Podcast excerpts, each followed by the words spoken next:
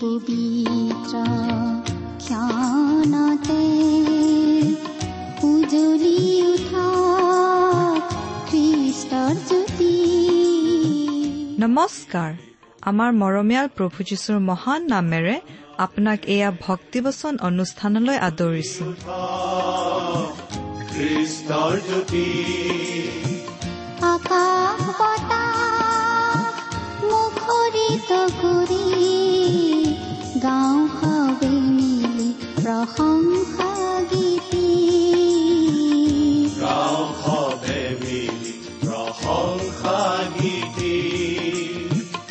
আজিৰে পবিত্ৰ ক্ষণতে উজলি উঠা খ্ৰীষ্টৰ জ্যোতি ঈশ্বৰে আপোনাক যি অসীম প্ৰেম কৰিলে তাক যদি অনুভৱ কৰিব বিচাৰে আৰু তেওঁৰ অগম্য বাক্যৰ মৌ মিঠা সোৱাদ ল'ব বিচাৰে তেন্তে আহক আজিৰ ভক্তিবচন অনুষ্ঠানটো মনোযোগেৰে শুনো।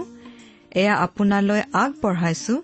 ঈশ্বৰৰ জীৱন্ত বাক্যৰ অনুষ্ঠান ভক্তিবচন। আমাৰ পৰম পবিত্ৰ প্ৰভু যীশুখ্ৰীষ্টৰ নামত নমস্কাৰ প্ৰিয় শ্ৰোতা। আপোনাৰ ভালনে বাৰু? আশা কৰো মহান পিতা পৰমেশ্বৰৰ মহান অনুগ্ৰহত আপুনি ভালে কুশলে আছে। প্ৰিয় শ্ৰোতা আমাৰ এই ভক্তিবচন অনুষ্ঠান আৰম্ভ কৰা আজি বহুদিন হৈ গ'ল। আপুনি যদি এই অনুষ্ঠান নিয়মিতভাৱে শুনি আহিছে তেনেহলে আমাৰ এই অনুষ্ঠানৰ বিষয়ে আপোনাৰ খুব স্পষ্ট ধাৰণা এটা হৈ গৈছে। আমিনো কি কথা কওঁ কেনেধৰণে আলোচনা আগবঢ়াওঁ সেই কথা এতিয়া আপুনি নিশ্চয় সহজে অনুমান কৰিব পৰা হৈছে। গতিকে এতিয়া আমি কি কথা ক'ম সেইটো আপুনি নিশ্চয় অনুমান কৰিব পাৰিছে। এৰা আপোনাৰ অনুমান ঠিক। আমি এতিয়া আপোনালোকক এটা অনুৰোধ জনাব খুজিছো। আমাৰ এই অনুষ্ঠান শুনি আপুনি কেনে পাইছে আমালৈ চিঠি লিখি জনাই যেন। এই অনুষ্ঠান সম্বন্ধে আপোনাৰ মতামত জনাওক। অনুষ্ঠান শুনি আপোনাৰ কিবা উপকাৰ হৈছে যদিও জনাওক। খ্ৰীষ্টীয় বিশ্বাস সম্বন্ধে কিবা সুধিবলগীয়া কথা থাকিলেও আমালৈ লিখক। আপোনাৰ পৰা চিঠি এখন পালে আমি অতিশয় আনন্দিত হ'ম। কিন্তু চিঠি লিখিবলৈ ঠিকনাটো জানিব লাগিব। নহয় জানো?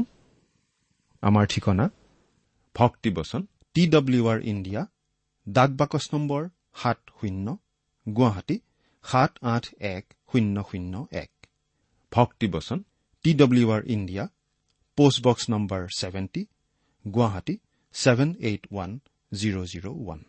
আমাৰ website W W W dot radio' eight eight two dot com আহকচোন আমাৰ আজিৰ বাইবেল অধ্যয়ন আৰম্ভ কৰাৰ আগতে মহান পিতা পৰমেশ্বৰৰ ওচৰত প্ৰাৰ্থনাত মূৰ্ণত কৰোঁ হওক। আমি প্ৰাৰ্থনা কৰোঁ হে আমাৰ স্বৰ্গত থকা মহান পিতা ঈশ্বৰ প্ৰথমতেই তোমাক ধন্যবাদ জনাইছো কাৰণ তুমি আমাক আৰু এটা নতুন দিন দেখিবলৈ দিলা। তুমি আমাক ইমান আশীৰ্বাদ কৰি আহিছা যে আমি গণনা কৰি শেষ কৰিব নোৱাৰো। কিন্তু আমি আচলতে তোমাৰ পৰা কোনো আশীৰ্বাদ পোৱাৰ যোগ্য নহওঁ। তুমি দয়া অনুগ্ৰহ আৰু কৰুণাৰ আকৰ বাবেহে আমাক এনেদৰে কৃপা কৰি আহিছা। তুমি আমাক ইমানেই প্ৰেম কৰিলা যে আমাক নৰকৰ পৰা ৰক্ষা কৰি অনন্ত জীৱন দিবলৈ তোমাৰ একেজাত পুত্ৰ যীশুখ্ৰীষ্টকেই আমালৈ দান কৰিলা যাতে তেওঁক বিশ্বাস কৰি আমি পৰিত্ৰাণ লাভ কৰিব পাৰোঁ তোমাৰ সন্তান হ'ব পাৰোঁ। তাৰ বাবে তোমাক অশেষ ধন্যবাদ পিতা। এতিয়া আমি তোমাৰ বাক্য বাইবেল শাস্ত্ৰ অধ্যয়ন কৰিবলৈ আগবাঢ়িছো। তুমি আমাক বুজোৱা আমাক শিকোৱা আমাক বিশেষভাৱে কথা কোৱা। আমাৰ এই অনুষ্ঠান শুনি থকা প্ৰতিজন শ্ৰোতাৰ জীৱনত তোমাৰ মহান প্ৰেম মহান অনুগ্ৰহ প্ৰকাশ কৰা। কিয়নো এই প্ৰাৰ্থনা আমাৰ মহান ত্ৰাণকৰ্তা মৃত্যুঞ্জয়ী প্ৰভু যীশুখ্ৰীষ্টৰ নামত অৰ্পণ কৰিলো। আমেন।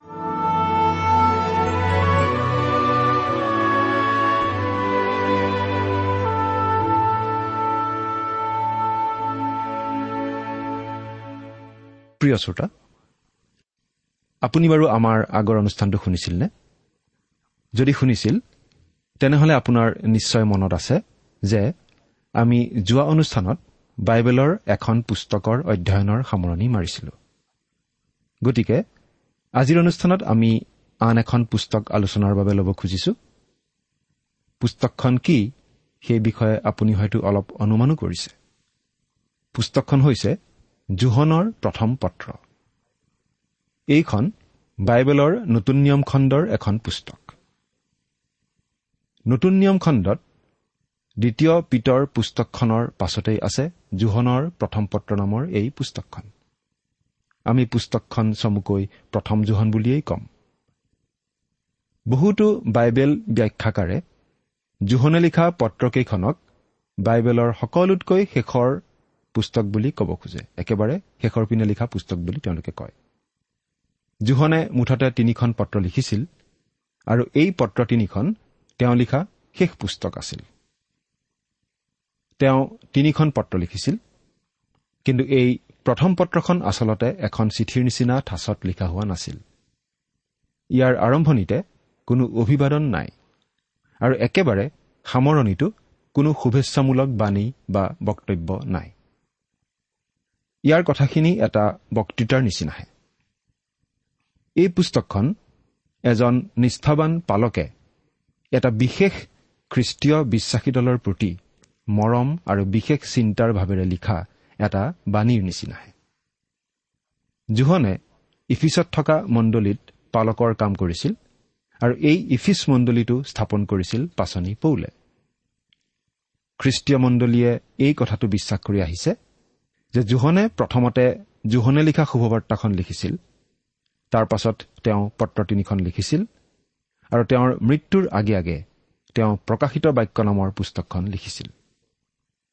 কিন্তু কিছুদিন আগৰ পৰা কিছুমান পণ্ডিতে এই কথা মানিবলৈ লৈছে যে জোহনে আচলতে পত্ৰকেইখনহে শেষত লিখিছিল। গতিকে তেওঁ প্ৰথম পত্ৰখন লিখিছিল পাত্মদ্বীপত বন্দী হৈ থকাৰ পাছত। গতিকে আনুমানিক এশ চনমানত তেওঁ এই পত্ৰখন লিখিছিল। তেওঁৰ মৃত্যু হৈছিল ইফিছত আৰু তাতেই তেওঁক কবৰ দিয়া হৈছিল। জোহনৰ কবৰতেই পঞ্চম শতিকাত জাষ্টিনিয়নে বেচিলিকা অৱ ছেণ্ট জন নিৰ্মাণ কৰিছিল। জোহনৰ প্ৰথম পত্ৰখন বুজি পাবলৈ হলে দ্বিতীয় শতিকাৰ আৰম্ভণিতে ইফিছ নগৰখন কেনেকুৱা আছিল সেই বিষয়ে অলপ জানিলে ভাল। ই আমাৰ নিজৰ চহৰখনৰ নিচিনাই আছিল। ইফিছ তথা ৰুমিয়া সাম্ৰাজ্যখনত চাৰিটা বিশেষ মন কৰিবলগীয়া কথা আছিল। প্ৰথমতে খ্ৰীষ্টীয় বিশ্বাসৰ বিষয়ে মানুহবোৰে সহজে জানিবৰ সুবিধা আছিল।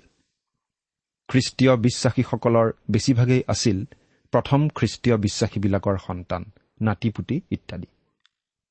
খ্ৰীষ্টীয় বিশ্বাসৰ নতুনত্বৰ যি চমক আৰু উজ্জ্বলতা আছিল সেই উজ্জ্বলতা অলপ ম্লান পৰিছিল।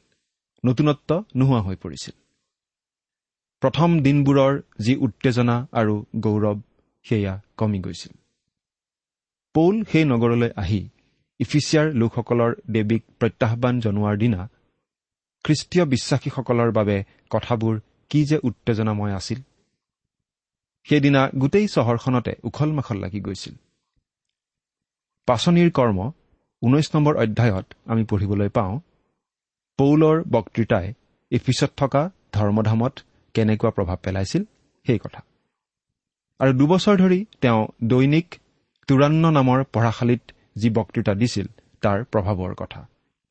সেই সময়ত খ্ৰীষ্টৰ প্ৰতি তেওঁলোকৰ অন্তৰত কি যে প্ৰবল প্ৰেম আৰু হাবিয়াস আছিল। কিন্তু বহু বছৰ পাছত যেতিয়া প্ৰভু যীশুৱে জোহনৰ যোগেদি ইফিচিয়াত থকা খ্ৰীষ্টীয় বিশ্বাসীসকললৈ এখন পত্ৰ পঠিয়াইছিল। সেই সময়ত জোহন পাত্মদ্বীপত নিৰ্বাসিত অৱস্থাত আছিল। সেই চিঠিত কিন্তু প্ৰভু যীশুৱে কৈছিল তথাপি তোমাৰ বিৰুদ্ধে মোৰ কথা আছে যে তুমি তোমাৰ প্ৰথম প্ৰেম এৰিলা প্ৰকাশিত বাক্য দ্বিতীয় অধ্যায় চাৰি নম্বৰ পদ। যীশুৱে বহুদিন আগতেই এনেদৰে সাৱধান কৰি দিছিল। আৰু অধৰ্ম অধিক হোৱাত অনেকৰ প্ৰেম চেঁচা হৈ যাব। মুঠি চৌব্বিছ অধ্যায় বাৰ পদ। খ্ৰীষ্টৰ প্ৰতি ইফিচিয়া লোকসকলৰ ভক্তি আৰু নিষ্ঠাৰ ভাৱ অলপ কম হৈ গৈছিল। দ্বিতীয়তে খ্ৰীষ্টীয় বিশ্বাসৰ যি উচ্চ মানদণ্ড সেই উচ্চ মানদণ্ডই খ্ৰীষ্টীয় বিশ্বাসীসকলক আন লোকতকৈ বেলেগ হোৱাটো বিচাৰে। কিন্তু প্ৰথম খ্ৰীষ্টীয় বিশ্বাসীসকলৰ সন্তান বা নাতিয়েকসকল আন মানুহতকৈ বেলেগ হ'ব নিবিচাৰিছিল। খ্ৰীষ্টীয় বিশ্বাসীসকলক সাধু বোলা হৈছিল গ্ৰীক ভাষাত হেগিয়ছ। আৰু এই শব্দটোৰ মূল অৰ্থটো হৈছে ঈশ্বৰৰ কামৰ বাবে সম্পূৰ্ণ পৃথক কৰি ৰখা। অৰ্থাৎ যিজন সম্পূৰ্ণৰূপে ঈশ্বৰৰ। মন্দিৰত ব্যৱহাৰ কৰা পাত্ৰ বা আন আচবাববিলাকক পবিত্ৰ বোলা হৈছিল কাৰণ সেইবোৰ একমাত্ৰ ঈশ্বৰৰ কামতেই ব্যৱহাৰ কৰা হয়। মন্দিৰটো আছিল হেগিয়ছ পবিত্ৰ। বিশ্ৰামবাৰ আছিল হেগিয়ছ। আৰু এতিয়া খ্ৰীষ্টীয় বিশ্বাসীসকলক হেগিয়ছ হবলৈ কোৱা হৈছে। অৰ্থাৎ আনতকৈ বেলেগ ঈশ্বৰৰ কাৰ্যৰ বাবে সম্পূৰ্ণৰূপে পৃথক কৰি ৰখা লোক। কিন্তু ইফিচিয়াৰ খ্ৰীষ্টীয় বিশ্বাসীসকল জগতৰ সৈতে আপোচ কৰি লাহে লাহে আম্মিক জীৱনত দুৰ্বল হৈ যাব ধৰিছিল। তেওঁলোক প্লাষ্টিক খ্ৰীষ্টিয়ান হ'ব ধৰিছিল। প্লাষ্টিকক যেনেকৈ যিকোনো সাঁচত দি গঢ় দিব পাৰি তেওঁলোকো তেনেকুৱা হ'ব ধৰিছিল। তেওঁলোক বিভিন্ন সাঁচত গঢ় ল'ব ধৰিছিল। কিন্তু যীশুখ্ৰীষ্টৰ শিষ্য তেনেকুৱা হ'ব নালাগে। কাৰণ প্ৰভু যীশুৱে শিষ্যসকলক এই বুলি কৈছিল তোমালোক জগতৰ হোৱা হলে জগতে আপোন লোকক ভাল পালেহেঁতেন। কিন্তু তোমালোক জগতৰ নোহোৱা। মই তোমালোকক জগতৰ মাজৰ পৰা মনোনীত কৰিলো। এইকাৰণে জগতে তোমালোকক ঘৃণাই। জোহন পোন্ধৰ অধ্যায় ঊনৈছ পদ। প্ৰভু যীশুৱে পিতৃ ঈশ্বৰৰ আগত শিষ্যসকলৰ বাবে কৰা বিশেষ প্ৰাৰ্থনাত এনেদৰে প্ৰাৰ্থনা কৰিছিল। মই তোমাৰ বাক্য তেওঁবিলাকক দিলো আৰু মই যেনেকৈ জগতৰ নহওঁ তেওঁবিলাকো তেনেকৈ জগতৰ নোহোৱাত জগতে তেওঁবিলাকক ঘৃণালে। জোহন সোতৰ অধ্যায় চৈধ্য পদ। কিন্তু সেই বিশেষ মানদণ্ডৰ পৰা খ্ৰীষ্টীয় বিশ্বাসীসকল আঁতৰি যাব ধৰিছিল। বাইবেলৰ মানদণ্ডৰ পৰা তেওঁলোক ফালৰি কাটি যাব ধৰিছিল। তৃতীয়তে খ্ৰীষ্টীয় বিশ্বাসীসকলে এই জগতত যি তাৰণা দুখ ক্লেশ আদি সহন কৰিব লাগে সেই দুখ ক্লেশ বা তাৰণা আচলতে খ্ৰীষ্টীয় বিশ্বাসীসকলৰ শত্ৰু নহয়। ইফিচিয়া খ্ৰীষ্টীয় বিশ্বাসীসকলৰ বিপদ আচলতে বাহিৰৰ পৰা অহা তাৰণা নাছিল কিন্তু ভিতৰৰ পৰা অহা প্ৰলোভনহে আছিল। এই বিষয়ে প্ৰভু যীশুৱে এনেদৰে সাৱধান কৰি দিছিল। কিয়নো ভাৰী কোৱা খ্ৰীষ্ট আৰু ভাৰী কোৱা ভাৱবাদীবোৰ ওলাই এনে মহৎ চিন আৰু অদ্ভুত লক্ষণ দেখুৱাব যে সাধ্য হলে মনোনীত লোকবিলাককো ভুলাব। মঠি চৌব্বিছ অধ্যায় চৌব্বিছ পদ। পাচনি পৌলে ইফিচত থকা বৃদ্ধ লোকসকলক এনেদৰে কৈছিল মই যোৱাৰ পাছত দুৰ্জন ৰাং কুকুৰবোৰে তোমালোকৰ মাজত সোমাই জাকলৈ নিৰ্দয় আচৰণ কৰিব। আৰু তোমালোকৰ মাজৰ পৰাও কোনো কোনো মানুহ ওলাই সিহঁতৰ পাছে পাছে শিষ্যবিলাকক আকৰ্ষণ কৰি নিবলৈ বিপৰীত কথা ক'ব। ইয়াক মই জানো। পাচনিৰ কৰ্ম বিছ অধ্যায় ঊনত্ৰিছ আৰু ত্ৰিছ পদ। খ্ৰীষ্টীয় বিশ্বাস ধ্বংস হৈ যোৱাৰ ভয় নাছিল। কিন্তু এই বিশ্বাস সলনি হৈ যোৱাৰহে আশংকা আছিল। এই বিশ্বাস উন্নত কৰাৰ প্ৰচেষ্টা চলিছিল। এই বিশ্বাস জগতৰ লোকবিলাকৰ বাবে গ্ৰহণযোগ্য কৰি তোলাৰ প্ৰচেষ্টা চলিছিল। জগতত চলি থকা জনপ্ৰিয় দৰ্শন আৰু মতবাদ আদিৰ সৈতে এই বিশ্বাস মিলাবলৈ চেষ্টা কৰা হৈছিল। কিন্তু খ্ৰীষ্টীয় বিশ্বাস আমি প্ৰভু যীশুৰ পৰা যি ৰূপত পাইছো তেনে ৰূপতেই থকা উচিত।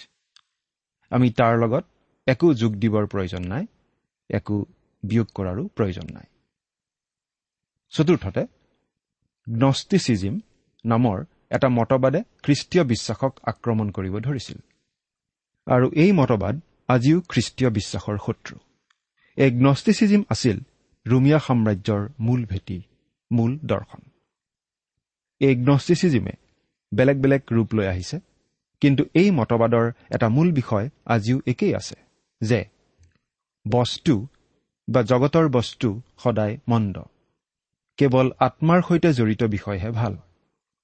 এই গোটেই পাৰ্থিৱ জগতখনকেই বেয়া বুলি ভবা হৈছিল গতিকে গ্নষ্টিচিজিমক আমি এনেদৰেও বুজাব পাৰোঁ যে এই মতবাদে শৰীৰক ঘীন কৰে। তেওঁলোকে বিশ্বাস কৰে যে শৰীৰত এটা আত্মা আছে ঠিক লেতেৰা মাটিত এটা গুটি থকাৰ নিচিনাকৈ।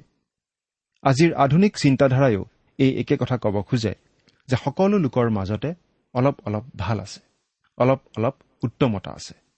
গ্নষ্টিকসকলে তেওঁলোকৰ ভিতৰত থকা সেই বীজ বা আত্মাক উন্নত কৰিবলৈ চেষ্টা কৰে আৰু শৰীৰত থকা মন্দতাৰ পৰা আঁতৰ হ'বলৈ চেষ্টা কৰে। আৰু এনেধৰণৰ কাম কৰিবলৈ দুটা চৰম পন্থা মানুহবোৰে অৱলম্বন কৰিছিল।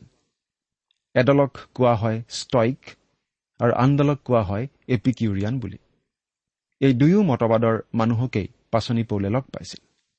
সেই কথা আমি পাচনিৰ কৰ্ম সোতৰ অধ্যায় ওঠৰ পদত এনেদৰে পঢ়িবলৈ পাওঁ। তাতে ইপিকুৰি আৰু ষ্টইকী মতৰ দৰ্শনশাস্ত্ৰজ্ঞ জন চাৰেকে তেওঁৰে সৈতে বাদানুবাদ কৰিলে। আৰু কোনো কোনোৱে ক'লে ই বক বকাই কি ক'ব খোজে?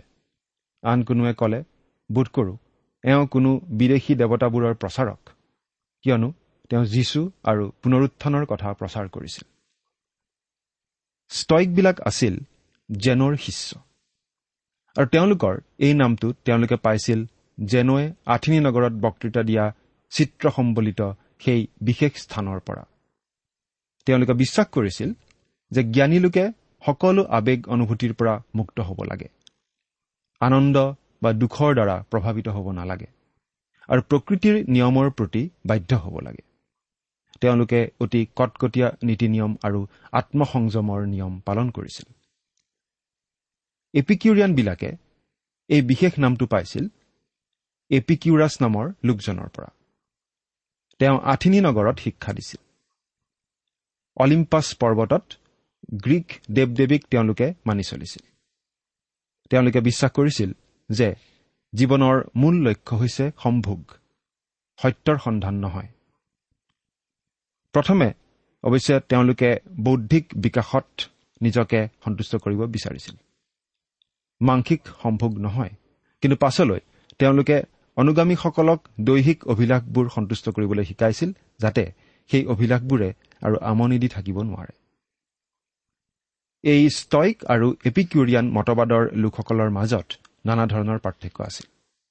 কিন্তু দুয়োটা মতবাদৰ লোকেই যীশুখ্ৰীষ্টই যে মচীহ সেই কথাটো মানি লোৱা নাছিল। আমি ভাবোঁ এই লোকসকলৰ কথা মনত ৰাখিয়েই পাচনি জোহনে এনেদৰে লিখিছিল। যীশু যে সেই অভিষিক্ত জনা ইয়াক যিজনে অস্বীকাৰ কৰে তেওঁৰ বাহিৰে আৰু আচল মিছলীয়া কোন আছে? সেইজনেই খ্ৰীষ্টাৰী। তেওঁ পিতৃ আৰু পুত্ৰকো অস্বীকাৰ কৰে। প্ৰথম জোহন দুই অধ্যায় বাইছ পদ। প্ৰভু যীশু যে মানৱৰূপে এই জগতত জন্ম লৈছিল তেওঁলোকে সেই কথা মানি লোৱা নাছিল। কাৰণ তেওঁলোকে ভাবিছিল যে ঈশ্বৰে কেতিয়াও মানৱৰ শৰীৰ ধাৰণ নকৰে কাৰণ শৰীৰ মন্দ। সেই কথা মনত ৰাখিয়েই পাচনি জোহনে এনেদৰে ঘোষণা কৰিছিল। সেই বাক্য মাংস হ'ল আৰু অনুগ্ৰহ আৰু সত্যতাৰে পৰিপূৰ্ণ হৈ আমাৰ মাজত বসতি কৰিলে। তাতে পিতৃৰ একমাত্ৰ পুত্ৰৰ উপযুক্ত যি প্ৰভাৱ সেই প্ৰভাৱ আমি দেখিলো। জোহন প্ৰথম অধ্যায় চৈধ্য পদ। সেইবাবেই পাচনি জোহনে লিখা প্ৰথম পত্ৰত এনেদৰে উল্লেখ কৰিছিল তোমালোকে ঈশ্বৰৰ আত্মাক ইয়াৰে জানিব পাৰা। যীশুখ্ৰীষ্ট যে মাংসত আহিল ইয়াক যি সকলো আত্মাই স্বীকাৰ কৰে সেই সকলো আত্মা ঈশ্বৰৰ। আৰু যি সকলো আত্মাই যীচুক স্বীকাৰ নকৰে সেই সকলো ঈশ্বৰৰ নহয় আৰু সেয়েই খ্ৰীষ্টাৰীৰ আত্মা। সেয়ে যে আহিছে তাক তোমালোকে শুনিলা আৰু বাস্তৱিক সেয়ে এতিয়া জগতত উপস্থিত আছে। প্ৰথম জোহন চাৰি অধ্যায় দুই আৰু তিনি পদ। এই গ্নষ্টিক মতবাদৰ লোকসকলে বিশ্বাস কৰিছিল যে ঈশ্বৰে নৰৰূপ লোৱাটো অসম্ভৱ। কাৰণ শৰীৰ মন্দ আৰু এনে মন্দ শৰীৰ ঈশ্বৰে গ্ৰহণ কৰিব নোৱাৰে। সেইকাৰণে তেওঁলোকে শিকাইছিল যে যীশুখ্ৰীষ্টৰ আচলতে শৰীৰ নাছিল। কিন্তু তেওঁৰ শৰীৰ থকা যেন দেখা গৈছিল। তেওঁ যেতিয়া খোজ কাঢ়িছিল তেতিয়া ভৰিৰ খোজ পৰা নাছিল। এনেদৰে তেওঁলোকে বিশ্বাস কৰিছিল আৰু আনকো শিকাইছিল। চিৰিন্থাছ নামৰ লোক এজনে আকৌ আন ধৰণে শিকাইছিল। তেওঁ ঘোষণা কৰিছিল যে এজন মানুহ যীশু আছিল আৰু এজন ঈশ্বৰ যীশু আছিল। তেওঁ কৈছিল যে বাপ্তিস্ম লোৱাৰ সময়ত যীশুৰ ওপৰলৈ ঐশ্বৰিকতা আহিছিল আৰু তেওঁ ক্ৰুচত থাকোঁতে সেই ঐশ্বৰিকতা আঁতৰি গৈছিল। এনেদৰে বিভিন্ন ধৰণৰ ভুৱা মতবাদে খ্ৰীষ্টীয় বিশ্বাসীসকলক আগুৰি আছিল। আদি খ্ৰীষ্টীয় বিশ্বাসীসকলে এই ভুৱা মতবাদবোৰৰ বিৰুদ্ধে যুঁজ দিছিল আৰু খ্ৰীষ্টীয় বিশ্বাসীসকলে এই কথা বিশ্বাস কৰিছিল যে প্ৰভু যীশু আমাৰ নিচিনা হৈছিল যাতে তেওঁ আমাক তেওঁৰ নিচিনা কৰিব পাৰে। আমি এই কথাটো দৃঢ়ভাৱে বিশ্বাস কৰোঁ যে জোহনে এই প্ৰথম পত্ৰখন লিখিছিল গ্নষ্টিকসকলৰ মতবাদৰ মাজত থকা ভুলবোৰৰ বিৰুদ্ধে উত্তৰ দিবলৈ। আচলতে জোহনৰ প্ৰথম পত্ৰত এই পত্ৰখন লিখাৰ পাঁচটা উদ্দেশ্য আঙুলিয়াই দিয়া হৈছে। সেইবোৰ আমি এফালৰ পৰা চাই যাম।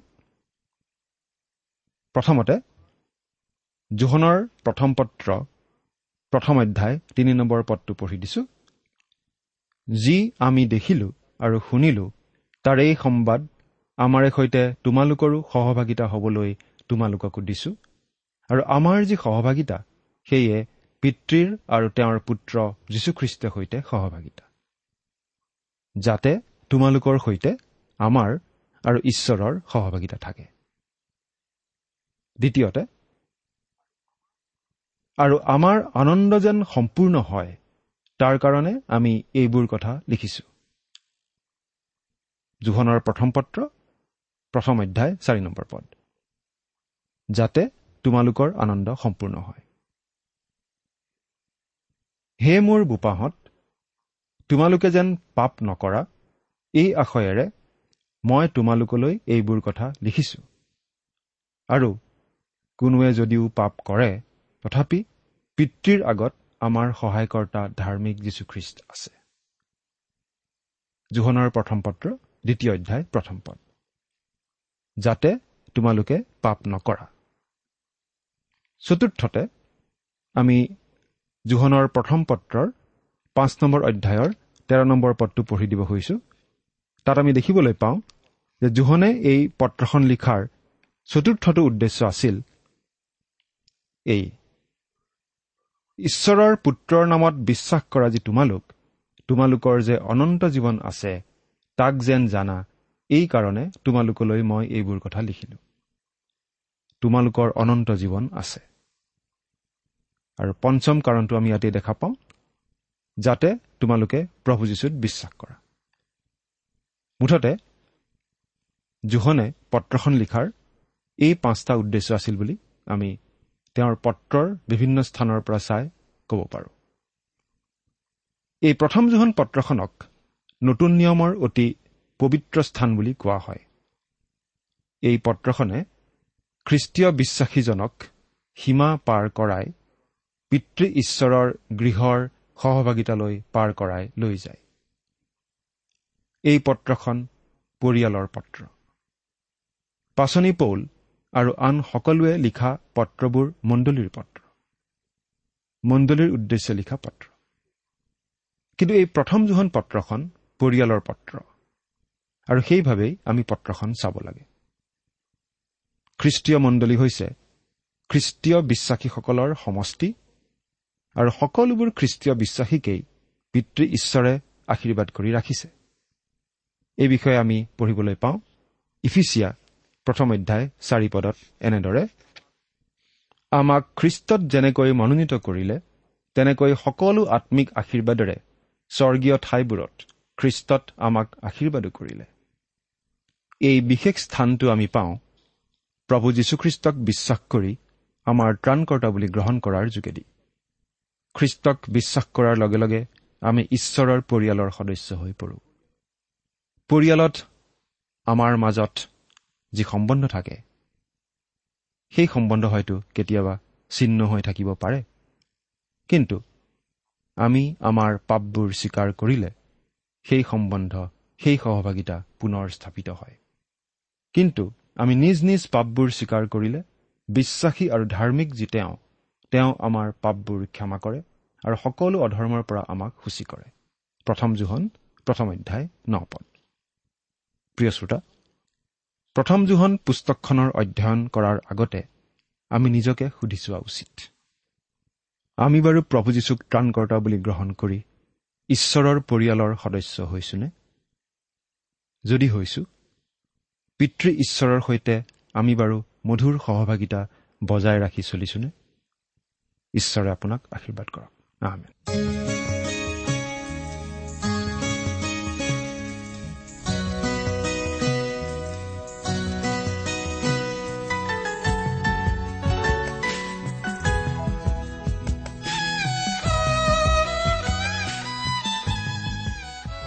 ইমান পৰে আপুনি ভক্তিবচন অনুষ্ঠানটি শুনিলে।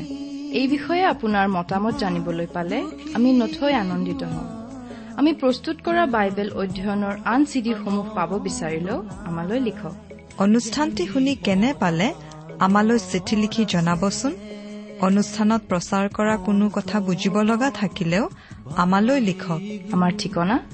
ভক্তিবচন ট্ৰান্স ৱৰ্ল্ড ৰেডিঅ' ইণ্ডিয়া ডাক বাকচ নম্বৰ সাত শূন্য গুৱাহাটী সাত আঠ এক শূন্য শূন্য এক। ঠিকনাটো আৰু এবাৰ কৈছো ভক্তিবচন ট্ৰান্স ৱৰ্ল্ড ৰেডিঅ' ইণ্ডিয়া ডাক বাকচ নম্বৰ সাত শূন্য গুৱাহাটী সাত আঠ এক শূন্য শূন্য এক। আমাৰ ইমেইল এড্ৰেছটো হৈছে S M is T T B at the rate radio' eight eight two dot com আমাৰ ৱেবছাইট ইন আপুনি টেলিফোনৰ মাধ্যমেৰেও আমাক যোগাযোগ কৰিব পাৰে। আমাৰ টেলিফোন নম্বৰটো হৈছে শূন্য তিনি ছয় এক দুই ছয় শূন্য চাৰি ছয় সাত এক। ফোন নম্বৰটো আকৌ এবাৰ কৈছো zero' three six one two six zero' four six seven one আজিৰ অনুষ্ঠানটি ইমানতে সামৰিছো। ঈশ্বৰৰ শান্তি আৰু অনুগ্ৰহ আপোনাৰ লগত থাকক। ধন্যবাদ। মৰম কৰে।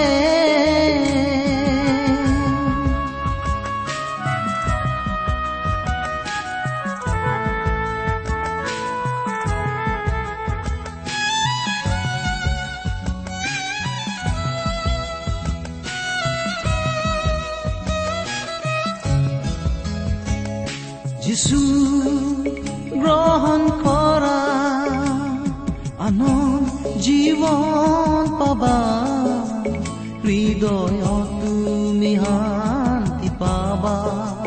আৰু তুমি তেওঁৰ সন্তান হবা। তোমাৰে হৃদয় ভাবিছোৱা। তোমাক ঈশ্বৰে